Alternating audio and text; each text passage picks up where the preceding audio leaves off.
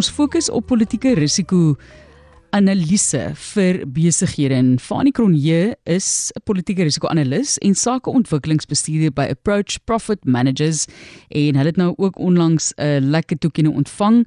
Dis die African Excellent Excellence toekennings van 2023 en hulle was genomineer vir die African Excellence toekennings en in die kategorie sake konsultasie firma van die jaar en is toe in September as die wenner in die kategorie Most Innovative Cost and Profit Management Consultancy in die Wes-Kaap aangewys. Baie baie geluk. Baie dankie. Dis omtrent iets om op trots te wees, né? So 'n politieke risiko-analis, wat, wat is dit presies? Wat doen jy? Weet jy, dit gaan maar daaroor sake lei is nie altyd regtig om um, bewus van van hierdie aspek en saak sake besigheid gaan ons maar oor winsgewendheid.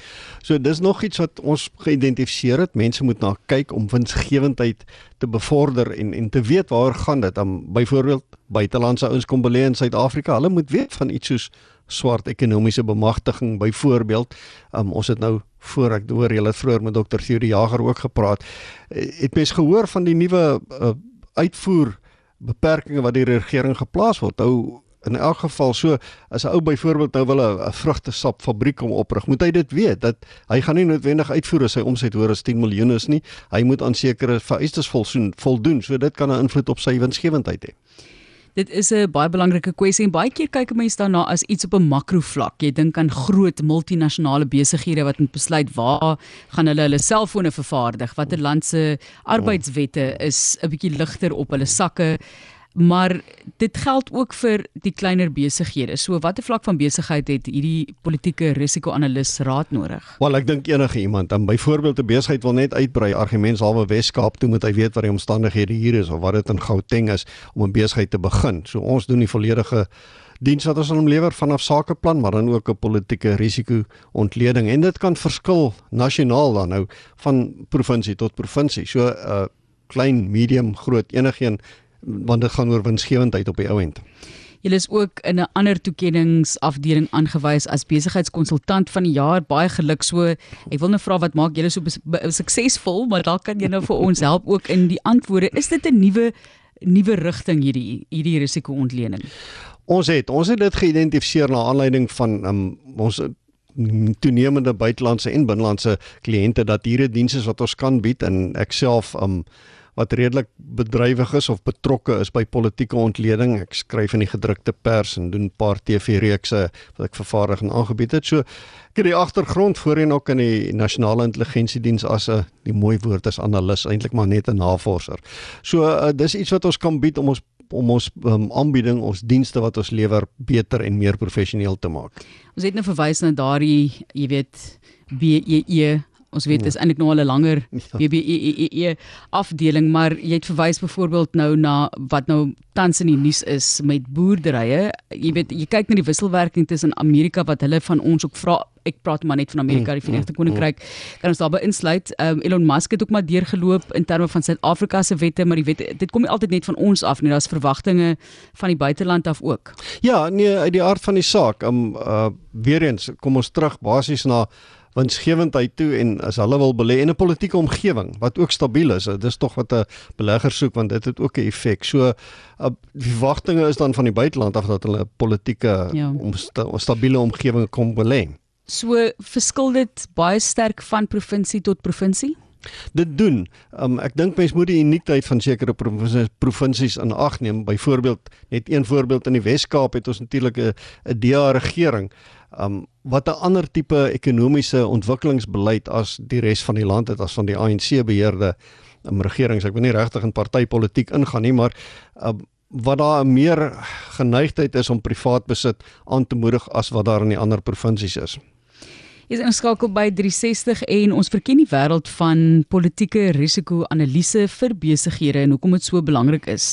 Dis baie wyd. Soos jy sê, jy wil nou nie politiek speel nie, hmm. maar mens dink byvoorbeeld aan wat in KZN gebeur gebeure tragies vir ja. vir besighede, daar's mense dood ja. en daardie wil ek eintlik sê ek kan nie sê dis opstande noodwendig geweest nie. Dit was dit was eintlik maar net regtig 'n tragiese gebeurtenis waar waar dinge baie die mekaar geraak het. Ja. Dit was chaos. Ja. Ek wil eintlik maar net die woord chaos gebruik. Ja. En mense is opgesweep daar. So ja, ek, ek wil eintlik eers jou opinie vra oor wat jy sê en watter rigting in die land, maar die die provinsies verskil geweldig van mekaar. Ja, ek dink 'n mens moet dit dit is nog iets wat mense in ag kan neem in, in KwaZulu-Natal byvoorbeeld is daar ook 'n etniese um, kat aan dit verbonde byvoorbeeld uh die Zulus wat oorheersend daar is en ons hou almal wat in 94 was dit maar net so erg en voor en na 94 met die onrus daar in die sogenaamde warlords wat maar in Kata ANC was. So dit is maar 'n partytetiese ding.